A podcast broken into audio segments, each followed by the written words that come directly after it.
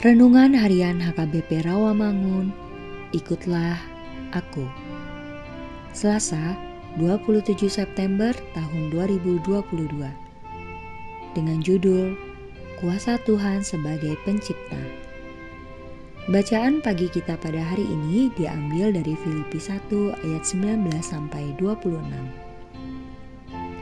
Bacaan malam kita pada hari ini diambil dari Mazmur 126 ayat 1 sampai 6. Dan kebenaran firman Tuhan pada hari ini diambil dari Yesaya 45 ayat 7 yang berbunyi yang menjadikan terang dan menciptakan gelap yang menjadikan nasib mujur dan menciptakan nasib malang Akulah Tuhan yang membuatnya semua ini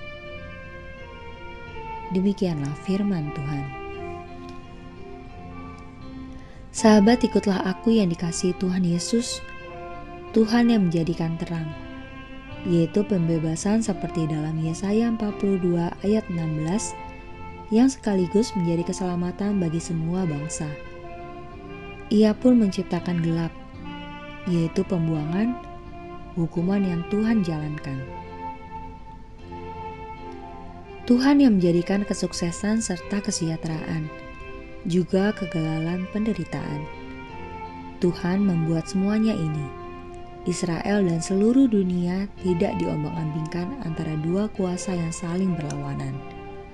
Entah antara dua golongan dewa atau antara ormas yang berjiwa terang dan akhiram yang berjiwa gelap dalam agama Persia. Yang dan Ying dalam kebudayaan Tionghoa Tuhan adalah satu dan Ia adalah Tuhan atas semuanya. Dari waktu ke waktu, Tuhan menarik kembali tangan perlindungannya untuk mencapai suatu tujuan. Jadi, ketika Yesaya mengatakan bahwa kejahatan datang dari Tuhan, itu berarti iblis tidak dapat melakukan apa pun kecuali Tuhan mengizinkannya dalam rencananya. Tuhanlah yang menempatkan pohon pengetahuan yang baik dan yang jahat di Taman Eden. Itu tidak berarti bahwa Tuhan ingin kita memakan kejahatan. Artinya, Dia memberi kita kebebasan untuk memilih. Tuhan pencipta dan penopang alam semesta beserta hukum moralnya. Nasib malang yang diciptakannya merupakan lawan dari nasib mujur. Jelas, yang dimaksud di sini ialah nasib malang atau malah petaka akibat perbuatan yang salah. Akibat tidak pernah menyatakan bahwa Allah menciptakan atau menjadikan dosa. Dosa benar-benar berasal dari makhluk ciptaan yang secara moral memiliki kebebasan. Amin. Marilah kita berdoa.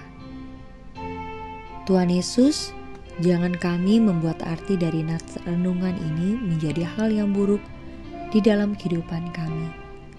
Amin.